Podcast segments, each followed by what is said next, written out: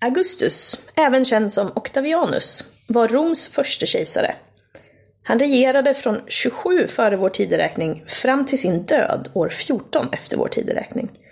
Hans status som grundare av det romerska principatet, som var den första fasen av det romerska imperiet, har befäst ett arv som en av de största ledarna i vår historia. Augustus regeringstid inledde en era av relativ fred, känd som Pax Romana.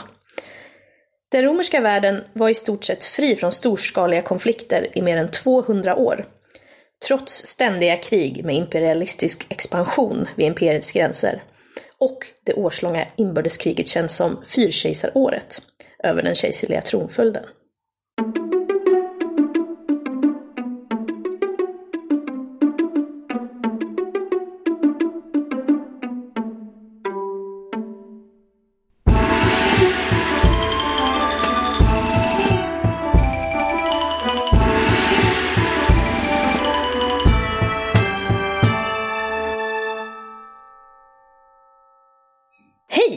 Välkomna till Podius Castus, en podd om antiken. Idag med mig, Emily. Dagens avsnitt är det tredje referensavsnittet i vår serie Vad är antiken egentligen? Och det kommer handla om romersk kejsartid. Och som vanligt i de här referensavsnitten så håller vi det väldigt kort och koncist. Är det något du skulle vilja veta mer om så hör av dig till oss så kan vi göra ett avsnitt om det framöver. Då kör vi igång!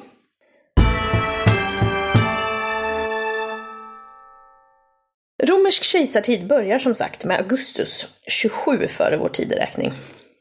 Och dagens referensavsnitt kommer behandla 27 före vår tideräkning till 284 efter vår tideräkning. Och den här tidsperioden kallas för principatet. Det betyder att en ensam kejsare hade titeln princeps, som betyder den främste. Och under den här tiden så bevarade man illusionen om att republiken fortfarande existerade. Kejsaren var alltså bara den främste bland jämlikar. Och den här tidsperioden då, den präglas ju av olika kejsardynastier.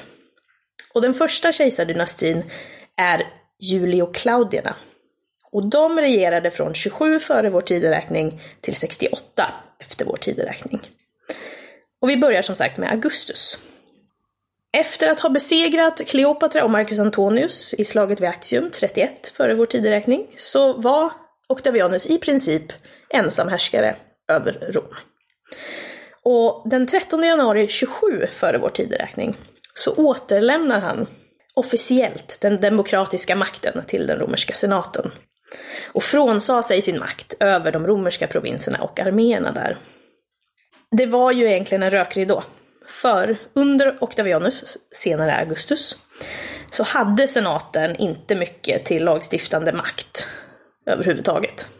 Augustus hade kanske inte längre makt över provinserna och arméerna, men han hade fortfarande lojaliteten hos soldaterna som var i tjänst, och även veteranerna, alltså soldater som senare gått i pension. Och det fanns åtskilliga människor som var beroende av Augustus beskydd och hans ekonomiska makt i Rom saknade motstycke. Och genom att vara en så skicklig politiker så lyckas han ju då tillskansa sig total makt i Rom. Hans regering la grunden för ett rike som varar i hundratals år, tills Roms fall. Både Octavianus tagna namn, Caesar, och hans titel, Augustus, blev permanenta titlar som de styrande av det romerska imperiet bar fram till Bysantinska riket. Många betraktar Augustus som Roms största kejsare genom tiderna. Säkert är att hans politik förlängde Roms livslängd och initierade den här berömda Pax Romana, då, den romerska freden. Och den här freden varar från Augustus fram till Marcus Aurelius, ungefär 27 före vår tideräkning till 180 efter vår tideräkning. Alltså varar den här så kallade fredsperioden i 206 år. Och förutom då den här fredsperioden så förändrades staden Rom under Augustus. Man institutionaliserade mer ordning, typ polis, brandkår och inrättandet av kommunala prefekter som, som ämbeten. En av de längst levande institutioner som Augustus grundade, det var pretoriangardet.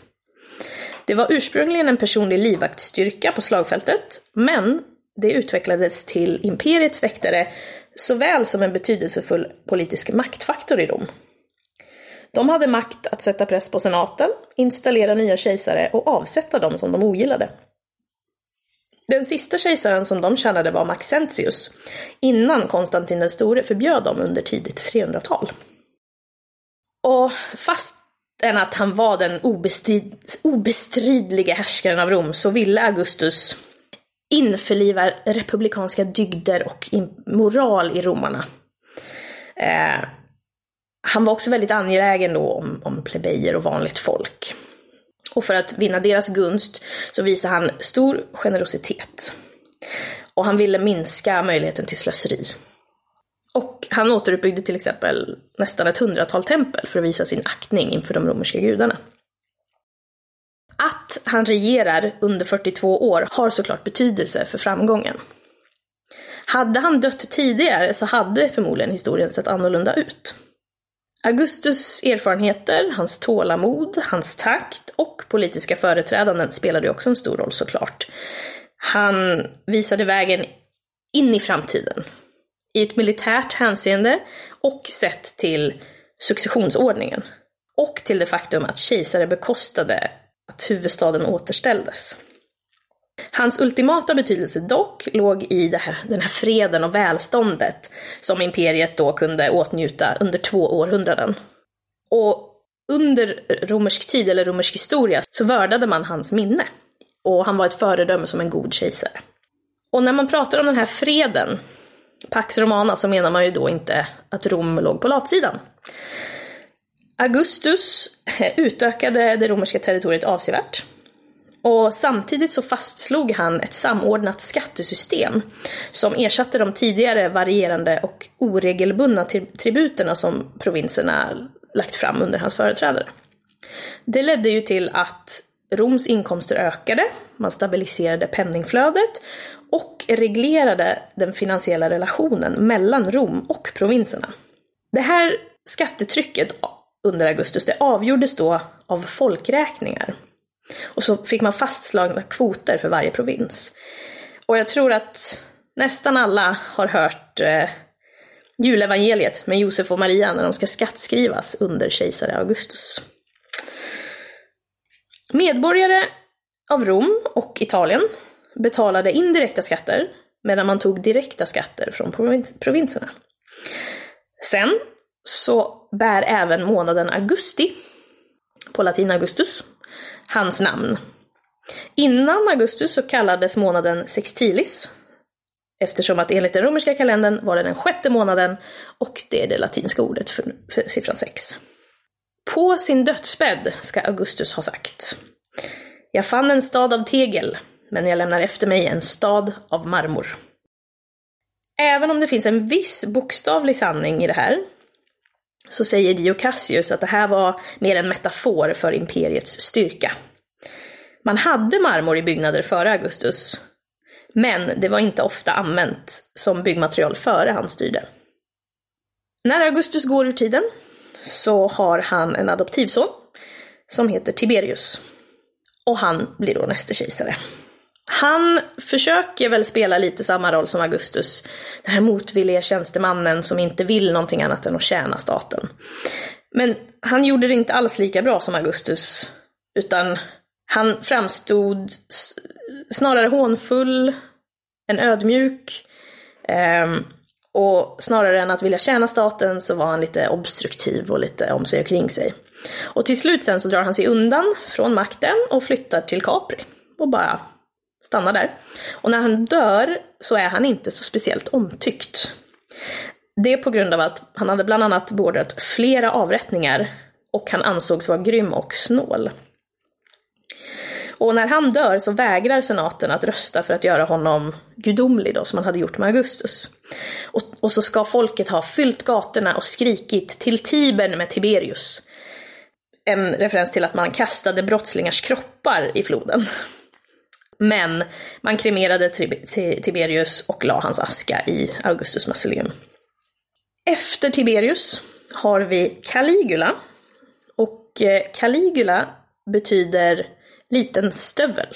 Little boots. Det är på grund av att när han var liten och hängde i militärläger så sprang han ju runt med små militärstövlar. Caligula då var son till en man som hette Germanicus. Och Tiberius eh, hade då adopterat Germanicus. Men Germanicus dör eh, år 19. Och Agrippina den äldre, som är Caligulas mamma, återvänder med alla sina sex barn till Rom och lyckas bli osams med Tiberius. Det leder till att hela hennes familj förstörs och Caligula är den enda manliga överlevande släktingen. År 31 så kallar Tiberius på Caligula som får bo med honom på Capri. Och efter år 37, när Tiberius dör, så blir Caligula kejsare. Och som vanligt så går det lite rykten om mord hit och dit och fram och tillbaka. Caligula gjorde faktiskt ett bra jobb först. Han fokuserade på politiska och offentliga reformer. Han hjälpte folk som hade förlorat egendom i bränder, avskaffade vissa skatter och delade ut priser till allmänheten vid olika sportevenemang. Men han var även grym och ska ha avrättat människor utan fullständiga rättegångar. Sen så blir det lite ekonomisk kris. Och trots den här ekonomiska krisen så påbörjar han ett antal byggnadsprojekt. Vissa då ska ha varit för allmänhetens bästa och andra ska ha varit för honom själv. Efter eh, en tids sjukdom så ryktas det om att han ska ha blivit ganska personlighetsförändrad eh, och tappat mycket empati och i samband med att hans favoritsyster dör så ska han blivit ännu värre. Så till slut blir han ju väldigt illa omtyckt och blir utsatt för ett antal attentatsförsök. Och till slut så mördas han av sina egna vakter i en gränd. Eh, och historieskrivningen beskriver honom som en galen kejsare som var självupptagen, ägnade sig åt för mycket utgifter och sex. Han anklagas för att ha legat med andras fruar och skrytit om det och att ha dödat enbart för nöjes skull avsiktligt slösat bort pengar, orsakat svält, velat ha en staty av sig själv i Jerusalems tempel för sin dyrkan. Och så ska han en gång vid ett gladiatorspel ha beordrat sina vakter att kasta in en del av publiken på arenan under pausen för att bli uppätna av vilddjuren eftersom det inte fanns några fångar att använda och att han var uttråkad. Caligula anklagades även för incest med sina systrar, Agrippina den yngre, Drusilla och Livilla. Dessutom så nämner man olika affärer med män, inklusive hans svåger. Och sen ska han också ha skickat trupper på ologiska militärövningar, gjort palatset till en bordell och en av de mest kända grejerna så ska han ha planerat att göra sin häst till konsul. Men alla de här sakerna och giltigheten i det här, det kan man diskutera. För i den romerska politiska kulturen och historieskrivningen så presenterar man vansinne och sexuell perversitet i, i samband med att man tyckte illa om en kejsare eller att en kejsare har varit dålig. Så man ska ta det med en, en hel näve salt, till och med. Efter Caligula så har vi en kejsare som heter Claudius, som var farbror till Caligula och alltså bror till Germanicus. Han utropas till kejsare av pretoriangardet strax efter att Caligula har blivit mördad.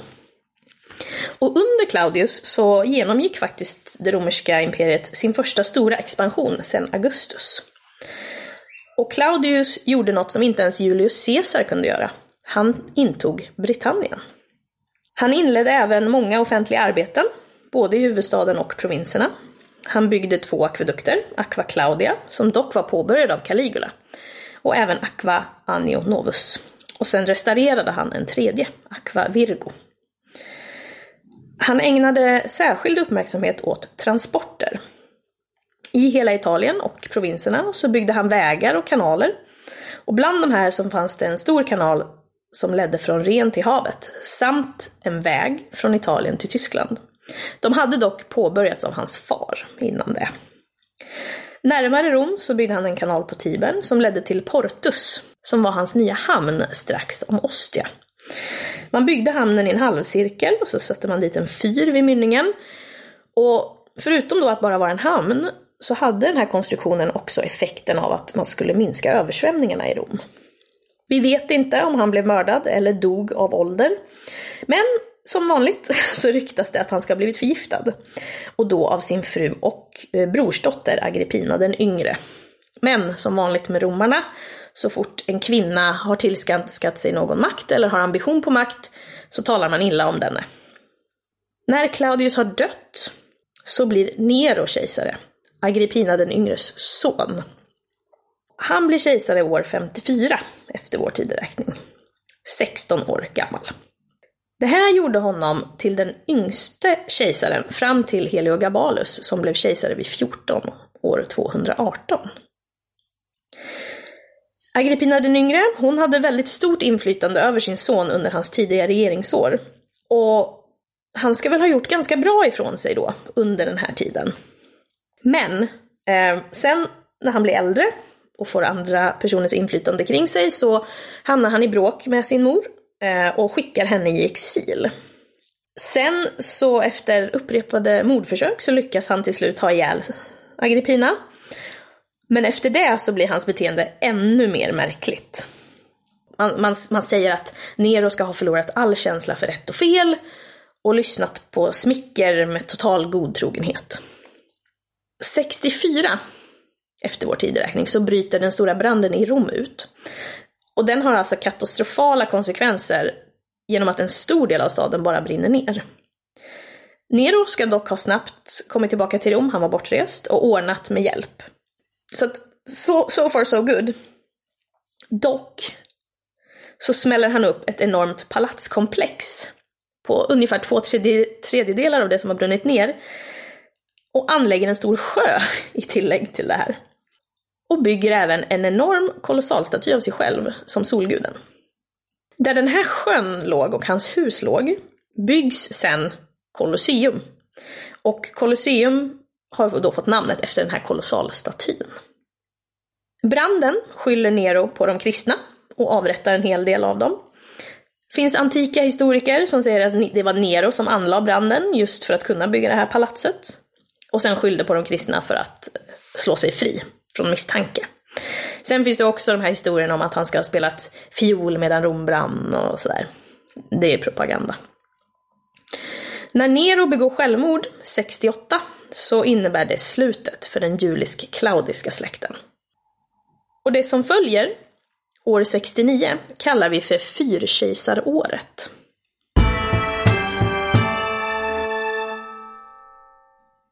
Fyrkejsaråret är det första inbördeskriget under romersk kejsartid. Och det är, en, det är ett år av politisk, ekonomiskt kaos. Först har vi då Galba. Galba, han förlitar sig på senatens stöd och försöker på grund av hur ekonomin är agera för besparingar, vilket gör att han inte är populär inom armén och särskilt bland trupper i Germanien. Hans konkurrent Otto lyckas då få pretoriangardet på sin sida och Galba blir mördad i tidigt januari 69.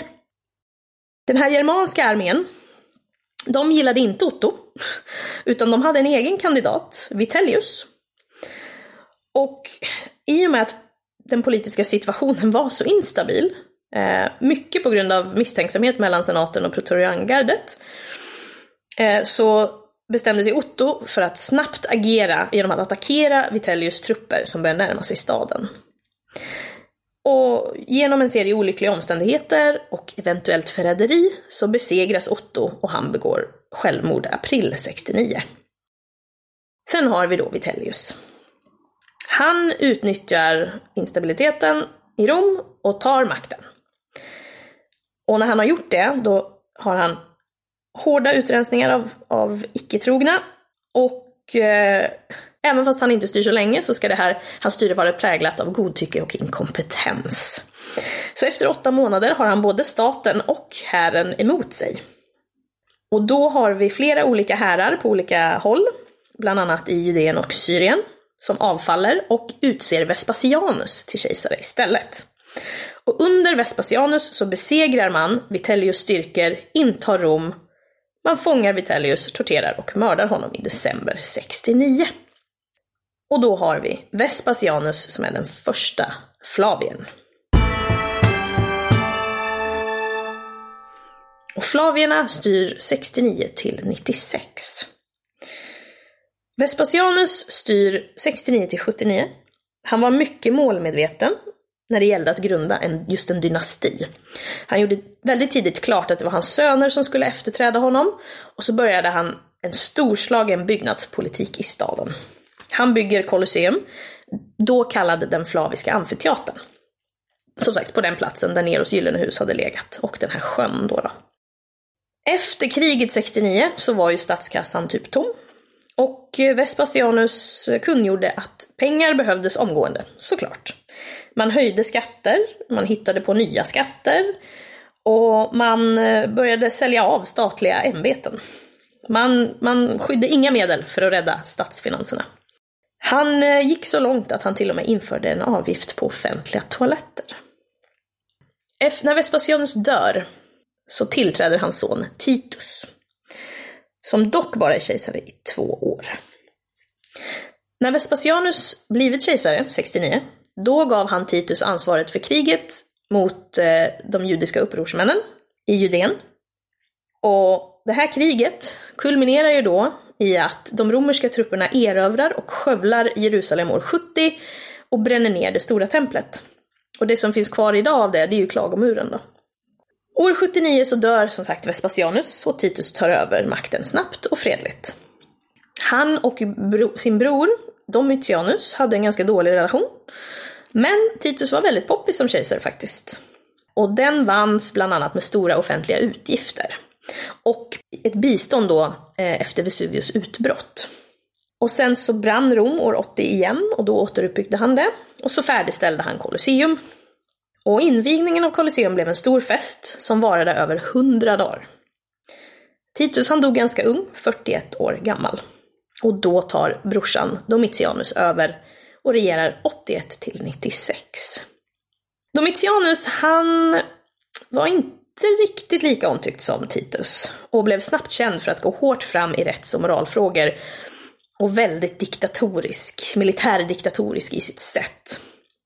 Han såg senatens funktion som en tom formalitet och blev snabbt illa omtyckt av senaten såklart.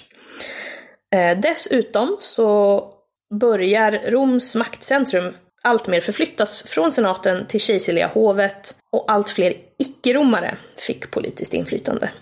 Dock var Domitianus väldigt populär hos soldater. Domitianus var också generellt väldigt misstänksam av naturen. Och det är väl inte så konstigt eh, i och med att hans styre väckte väldigt mycket missnöje. Och mot slutet av år 93 så ledde hans misstänksamhet eh, till utbrott mot senat, riddarklass och administratörer och det skedde avrättningar och landsförvisningar. Och i och med att han fortsatte härja så blev han ännu mer impopulär. År 96 så var det en konspiration som involverade medlemmar av Pretoriangardet och flera av eh, hans frigivna män. Och man tog livet av honom. Man mördade honom. Han sörjdes av armén såklart, men senaten var nöjd med att det här skräckväldet då var över och man utsåg nästa kejsare som då var senatorn Nerva.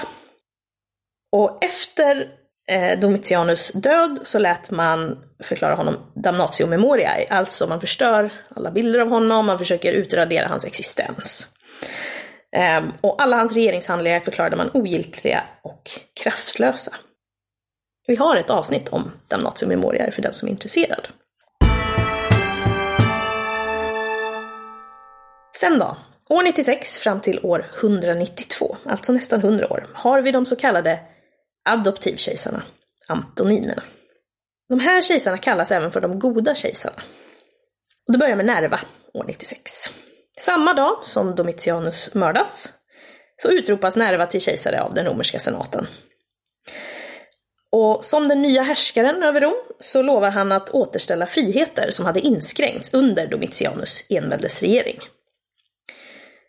Men Nerva var nästan 66 när han blev kejsare. Och han hade en livstid av kejserlig tjänst under Nero och eh, Flavierna.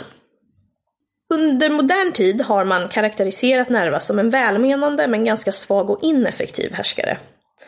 Eh, även om den romerska senaten hade friheter eh, under hans styre så var inte Nerva superbra med statsfinanserna och bristen på auktoritet över armén ledde nästan till kris. Men Nerva adopterar Trajanus, och, som var en respekterad pålitlig general, som sen efterträdde Nerva när han dog i sviterna efter en stroke. Trajanus, han styr 98 till 117 och är ihågkommen som en framgångsrik soldatkejsare som ansvarar för en av de största militära expansionerna i romersk historia. Och det som ledde till att imperiet uppnådde sin största territoriella omfattning i historien vid tiden när han dog. Han var också känd för sitt filantropiska styre, omfattande offentliga byggnadsprogram och implementerandet av en social välfärdspolitik. Vilket också gav honom då ett rykte som en god kejsare. Och här har vi då en väldigt intressant eh, kontrast till typ Caligula och Nero. För de antika källorna talar bara gott om Trajanus. Man hyllar honom som en vis och rättvis kejsare och en moralisk man. Och att han alltid ska ha varit värdig. Efter oroligheter på 300-talet så blev Trajanus tillsammans med Augustus i det romerska riket förebilden då för de mest positiva egenskaperna hos den kejserliga ordningen. Sen blir han sjuk och dör. Historien om hans efterträdare Hadrianus är lite fram och tillbaka. Det kan vara så att han lagligen, eller e- eh, ensam, har nominerat Hadrianus som sin efterträdare. Men man påstår att Trajanus hustru, Pompeia Plotina, höll Trajanus död hemlig, producerade och undertecknade ett dokument som intygade att Hadrianus adopterades som son och efterträdare. Det här är dock lite rykten. Och som vanligt då, så kan det ju spegla manligt romerskt missnöje att en kejsarinnan, och då en kvinna såklart, eh, blandar sig i Roms politiska angelägenheter. Hur som haver, Hadrianus blir nästa kejsare och styr från 117 till 138. Han var ganska energisk och eftersträvade imperialistiska ideal och personliga intressen. Han är eh, den kejsare som reste runt mest. Han besökte nästan varje provins i imperiet eh, och han hade med sig specialister och administratörer. Han uppmuntrade militär beredskap och disciplin och han främjade, designade och subventionerade olika civila och religiösa institutioner och byggnadsprojekt. Han eh, revolutionerade i princip Roms byggnadsteknik. I Rom så byggde han om Pantheon som delvis hade förstörts och byggde ett stort tempel för Venus och Roma. Hadrianus var ett stort fan av Grekland och försökte göra Aten till imperiets kulturella huvudstad eh, genom att beordra byggandet av många överdådiga tempel. Mer än halva sin regeringstid spenderade Hadrianus utanför Italien. Medan andra tidigare kejsare till största del hade förlitat sig på rapporter från sina kejserliga representanter runt om i riket så ville Hadrianus se saker och ting för sig själv. Och han beger sig till Britannien. Före Hadrianus ankomst så hade man haft stort uppror i Britannien. Det hade alltid varit lite oroligt där. Man fick inte riktigt koll på det. Eh, så han påbörjar byggnadet av en mur för att eh, skilja romarna från barbarerna. Sen den här idén om att man byggde muren för att hantera ett verkligt hot, sure. Men det fanns väl ändå en anledning kanske att delvis inte försöka expandera ytterligare, eller att man ville minska försvarskostnaderna, eller då ha kontroll över handel och vem som rörde sig fram och tillbaka över gränsen. Hadrianus var ju som sagt ett stort fan av Grekland och den hellenistiska kulturen. Så han försökte inkludera provinserna i någon sorts samvälde av civiliserade för folk i den här gemensamma kulturen under romersk övervakning då. De sista åren av sitt liv tillbringade Hadrianus i Rom. Och han dog år 138 när han var 62. Men han ska ha haft sviktande hälsa under en längre tid och faktiskt lidit ganska mycket av sina åkommor. Hadrianus gav sig på det första försöket att kodifiera romersk rätt. Han hade ett bestående och entusiastiskt intresse för konst, arkitektur och offentliga verk. Och som en del av sitt imperialistiska restaureringsprogram så grundade, återgrundade eller byggde han om många städer i hela imperiet och försåg dem med tempel, arenor och andra offentliga byggnader. Vissa av de här döptes eller döptes om till Hadrianopolis.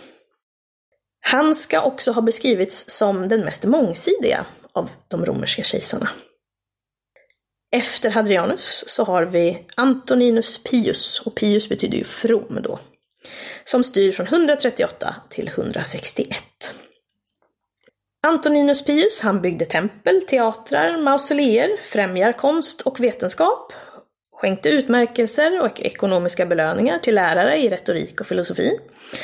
Han gjorde några inledande förändringar när han blev kejsare, men så mycket som möjligt så lämnade han faktiskt det som instiftats av Hadrianus. Och Antoninus Pius hade den längsta regeringstiden sedan Augustus. När han sen dör, 161, så tar två stycken kejsare makten. Marcus Aurelius och Lucius Verus. Och det här är första gången som det romerska riket styrs av flera kejsare. Något som sen blir allt vanligare under senare historia. Trots att de båda var kejsare så hade Marcus Aurelius mer auktoritet än Lucius Verus. Marcus Aurelius hade varit konsul flera gånger och han hade varit eh, med i Pius administration. Och han var ensam pontifex maximus. Och det var ganska uppenbart eh, att det var Marcus Aurelius som var högsta hönset liksom. Sen dör Lucius Verus 169. Och eh, Marcus Aurelius är nu ensam kejsare. Han är väldigt skicklig i kejserlig administration. Han eh, tillbringar stor del av sin tid med att ta itu med rättsfrågor. Och han la stor omsorg eh, om lagstiftningens teori och praktik. Och han blev kallad en kejsare som var väldigt skicklig i lagen. Och han hade tydligt intresse för frigivning av slavar, förmyndarskap av föräldralösa och minderåriga och valet av eh, olika, man kan kalla det statsfullmäktige. Marcus Aurelius hade stor respekt för den romerska senaten och han bad dem rutinmässigt om tillåtelse att spendera pengar, även fast han inte behövde göra det, eftersom att han var, det är han som bestämmer. Och under den här tiden har man också möjligtvis kontakt med Kina. Man har hittat eh, olika romerska mynt och medaljer, medaljonger och sånt. Från 177 och fram till 180 så regerar Marcus Aurelius tillsammans med sin son Commodus. Det här var ju då bara andra gången som en faktisk biologisk son efterträdde sin far. Den andra var ju när Vespasianus blev efterträdd av sin son Titus. Och i efterhand så har man kritiserat det här maktgivandet till, till Commodus med hänvisning till att han var oberäknelig och han hade brist på politiskt och militärt skarpsinne. Mellan 170 och 180 så skrev Marcus Aurelius självbetraktelser eh, på grekiska som en källa för sin egen vägledning och självförbättring. Man vet inte om det fanns en ursprunglig titel på det här verket, men just självbetraktelser antas senare. Men Marcus Aurelius ska ha haft ett logiskt sinne och hans anteckningar var representativa för stoisk filosofi och andlighet. Och självbetraktelser är ju fortfarande sett som ett eh, litterärt monument över eh, en regering av tjänst och plikt. Han dör 180 och eh, man menar att hans död i princip är slutet då på Pax Romana, den här romerska freden. Commodus tar över då 180 och styr fram till 192. Och även om Rom generellt hade minskade militära konflikter jämfört med under Marcus Aurelius så florerade intriger och konspirationer. Och Commodus, han återgick till en allt mer diktatorisk ledarstil som kulminerade i att han skapade en gudomlig personlighetskult. Eh, han uppträdde som gladiator i Colosseum. Han, såg, eh, han minskade silvermängden i denaren, vilket leder till inflation. Det gjorde han två gånger. Och medan Marcus Aurelius hela tiden hade nästan kontinuerligt fört krig så var Commodus styr relativt fredligt militärt. Då.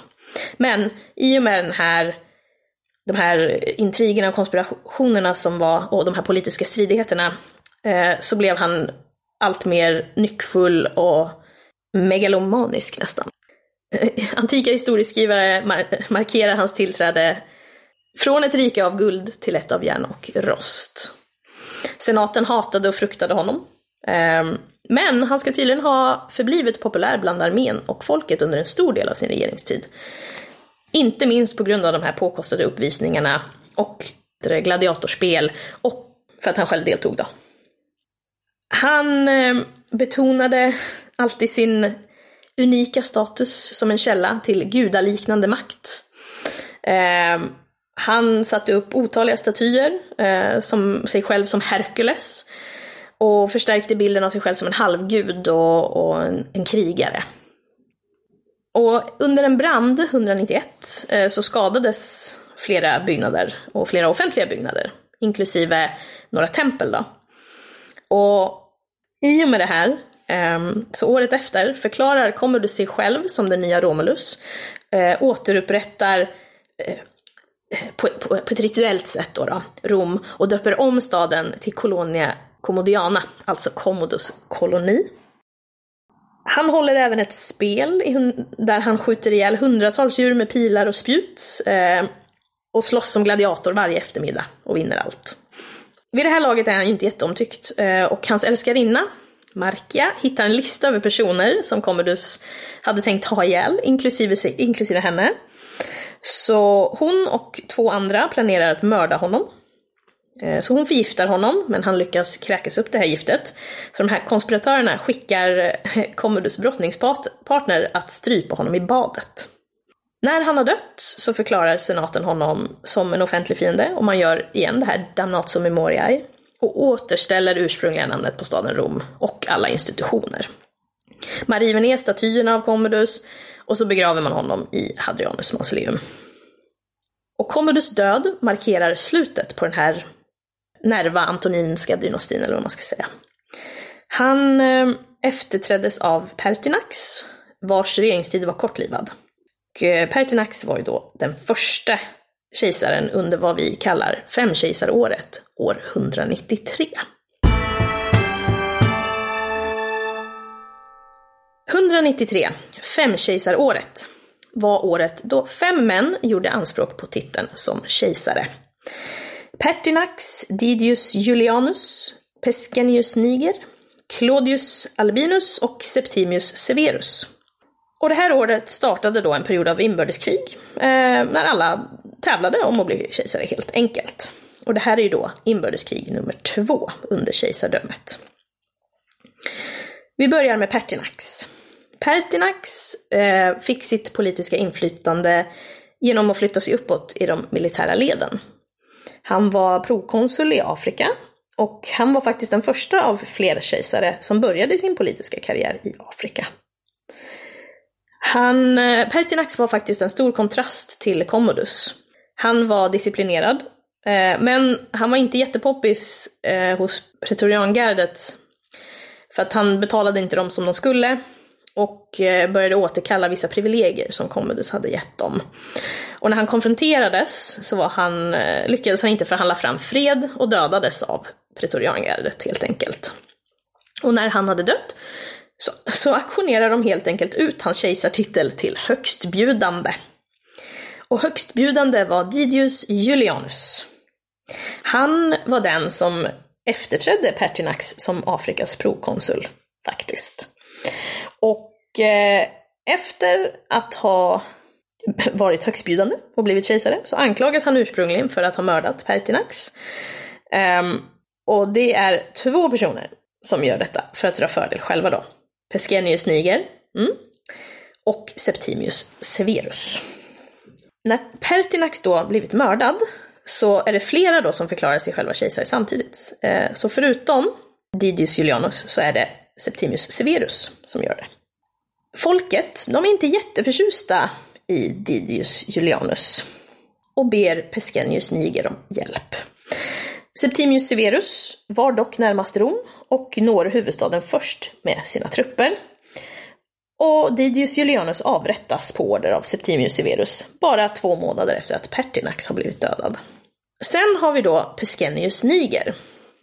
Han var guvernör i Syrien och när folket ropar på vill ha hans hjälp, då blir han ju en rival till Septimius Severus som också då utsätter sig själv till kejsare. Eh, det slutar med att även Pescennius Niger utropar sig själv till kejsare och Septimius Severus blir inte jättenöjd över det här. Pescennius Niger hade eh, allierade i östra delen av imperiet och Septimius Severus hotar honom med trupper, då samlar han sin egen armé och de slåss i ungefär två år och till slut så förlorar han. Sen har vi Claudius Albinus. Han ska ha blivit ombedd att bli kejsare efter Commodus, men ska ha förkastat det här förslaget. Så småningom fick han dock titeln Caesar eftersom Septimius Severus behövde hjälp med att kontrollera imperiet medan han kämpade mot Pescennius Niger. Och då kunde han helt fokusera på det här inbördeskriget. Septimius Severus och Claudius Albinus, de ansågs vara fiender, men de kom ändå överens då om att Albinus skulle få mer makt och titeln Caesar. Vissa menar att det här bara var en hedersbetygelse och bara gynnade Septimius Severus. Som vinner grund då när han får eh, Claudius Albinus stöd samtidigt som han själv inte behöver ge bort någon typ av makt alls. Och Claudius Albinus kontrollerar Storbritannien. Och eh, det här, det här, den här överenskommelsen, eller det här fördraget då, ska ha gett honom även makt över Gallien och Spanien. Eh, och även om det inte fanns ett formellt fördrag så ska det ha funnits en informell överenskommelse. Eh, Claudius Albinus fortsätter då som kejsare i ungefär tre år, innan ännu ett inbördeskrig bryter ut mellan honom och Septimius Severus, och det leder till att Septimius Severus blev den sista kvar. Och även om det var mycket oroligheter där så var Septimius Severus i princip kejsare efter att Pertinax mördades. Och det var tolv dagar efter mordet på Pertinax som Septimius Severus gjorde sig själv till härskare med senatens stöd. Det, det sägs också att han skulle velat bli kejsare direkt efter Commodus mord, men att eh, Pertinax eh, var snabbare helt enkelt. Och uppstigningen av Septimius Severus, eller när Septimius Severus ensam styrde, så markerar det början av vad som kallas den severiska dynastin. Och severerna, de styr från 193 till 235. Och Septimius Severus styr 193 till 198. Han ska inte ha varit superpoppis eh, hos senaten, och han ska ha beordrat avrättningen av ett stort antal senatorer på anklagelser om korruption och konspiration mot honom och ersatte dem med sina egna favoriter. Och även om han förvandlade Rom till mer av en militärdiktatur så var han poppis bland medborgarna i Rom efter att ha stoppat den skenande korruptionen som existerade under Commodus. När han återvänder från sin seger över parterna så reser han sin triumfbåge som står i Rom idag, Septimius Severus-bågen. Och även om hans militära utgifter var väldigt kostsamma för imperiet så var Septimius Severus en stark och duktig härskare. Och romarriket når sin största utsträckning under Septimius Severus. Från 198 fram till sin död 209 så styr Septimius Severus tillsammans med sin son Caracalla när Septimius Severus dör, 209, så styr Caracalla tillsammans med sin bror Geta under två år innan Geta dör. Och det är mest troligt att Caracalla eh, såg till att Geta mördades av Protoriangardet. Och sen så gjorde han damnatio memoriae på sin bror. Och Caracalla står då ensam kvar som härskare i Rom. Och under hans regeringstid så hade man lite instabilitet och det var en del yttre invasioner från de germanska folken. Caracalla styr då ensam från 211 till 217. Han blev känd för den antoninska konstitutionen, även känd som Caracalla-ediktet, som gav romerskt medborgarskap till alla fria män i det romerska riket. Och i Rom eh, så blev han känd för byggandet av sina bad, sitt badhus, som blev det näst största badhuset i Rom. Han införde en ny typ av romersk valuta och beordrade en hel del massakrer. Både i Rom och på andra håll i riket. Och 217 mördas Caracalla på grund av en missnöjd soldat. Caracalla framställs av eh, antika källor som en tyrann och en grym ledare. Och det här har ju då överlevt in i modern tid. Efter Caracalla har vi Macrinus. Han är kejsare 217 till 218. Som medlem av ryttarklassen så var han faktiskt första kejsaren som inte härstammar från senatorsklass. Och även den första kejsaren som aldrig var i Rom medan han regerade. Caracallas mor, Julia Domna, eh, konspirerade mot Macrinus och sattes i husarrest. Hennes syster, Julia Mesa, skickades hem till Syrien med barn och barnbarn, inklusive en pojke som hette Heliogabalus.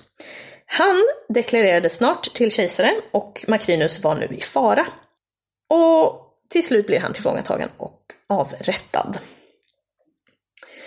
Heliogabalus styr från 218 till 222 och var då bara 14 när han tillträdde.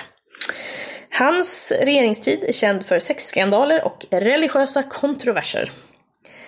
En eh, nära släkting eh, då till Severerna, Caracalla.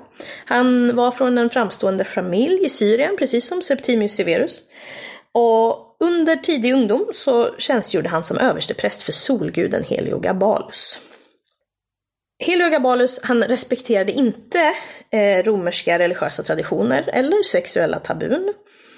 Han ska ha ersatt den traditionella huvudguden i Rom, alltså Jupiter, med Heliogabalus. Och så skulle han själv då varit överstepräst där. Han ska även ha tvingat ledande medlemmar i Rom att delta i religiösa riter för att fira Heliogabalus och dyrka honom. Han ska ha gift sig med fyra kvinnor, inklusive en vestal. Eh, och vestalerna var ju jungfrur som inte fick röras, basically. Så det var en big no-no. Han skänkte förmåner till manliga hovsmän som tros ha varit hans älskare. Och så ska han ha rapporterats ha prostituerat sig. Eh, allt det här beteendet var ju väldigt främmande för romare. Och det här kunde man ju bara inte acceptera, så när han var 18 så mördas han och ersätts av sin kusin Alexander Severus år 222. Och förvånande nog kanske, så är det hans eh, mormor, Julia Mesa, som ska ha eh, haft en del i den här mordkomplotten då. Återigen, precis som tidigare när man eh, pratar om väldigt så, sexuella utsvävningar och, och perversiteter och liknande, eh, så kan man inte riktigt säga hur mycket som är sant. Och man, ty man tyckte illa om en kejsare och pratade illa om honom. Så har vi då Alexander Severus, eh, som styr år 222 till år 235. Och han är den sista kejsaren från eh, den severiska dynastin. Han mördas själv så småningom Eh, och hans död markerar början på det som vi kallar krisen under 200-talet. Som var ungefär 50 år av inbördeskrig, utländsk invasion och ekonomisk kollaps. Men medan han styrde, Alexander Severus, så var Rom ganska välmående. Men nu börjar ju andra riken runt omkring växa sig starka och eh, Rom hade det lite tufft militärt. Och Sassanidiska riket börjar växa upp och germanerna börjar trycka på. Han lyckas kontrollera sassaniderna, men när han försöker kampanja mot de här germanska stammarna så försöker han skapa fred genom diplomati och mutor. Eh, och då blev inte den romerska armén speciellt glad. Och det ledde till konspiration som resulterar i mordet då. Och då är vi på år 235. Och från 235 till 285 så har vi de så kallade soldatkejsarna och krisen under 200-talet.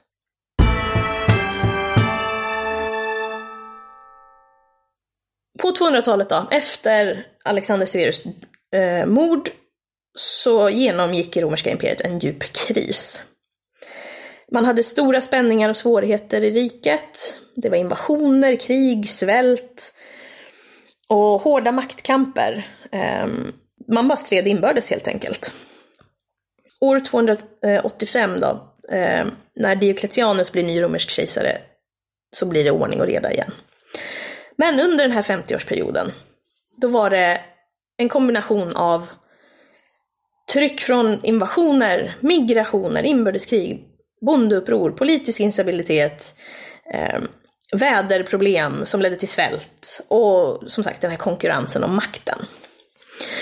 Och under den här tiden så blev även romerska trupper mer beroende av det växande inflytandet från de barbariska legosoldaterna.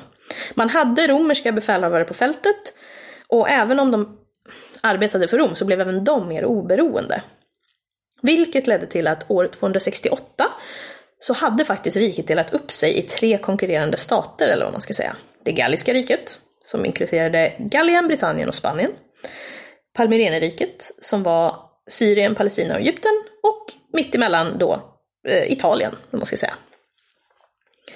Man hade minst 26 stycken anspråkare på titeln kejsare.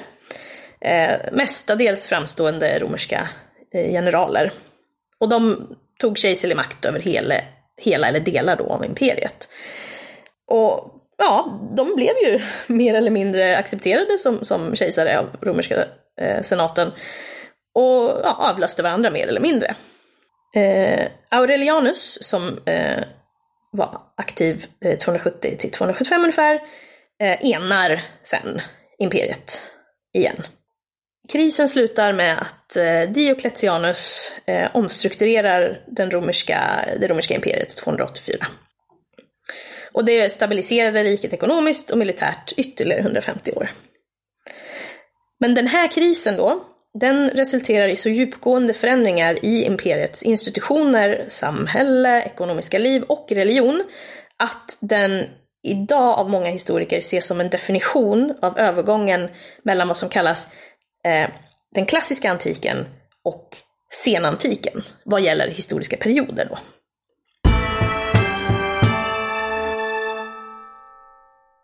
Och där slutar vi dagens referensavsnitt. Det har varit ungefär 300 år av kejsare än så länge. Och vi har precis fått ihop eh, romarriket igen och vi har gått in i en ny era. Har ni frågor om avsnittet? Har ni tankar? Vill ni veta mer om någonting? Så skriv till oss på podiuskastus.gmail.com eller på Facebook eller Instagram. Och tills dess så säger jag tack för idag och på återhörande.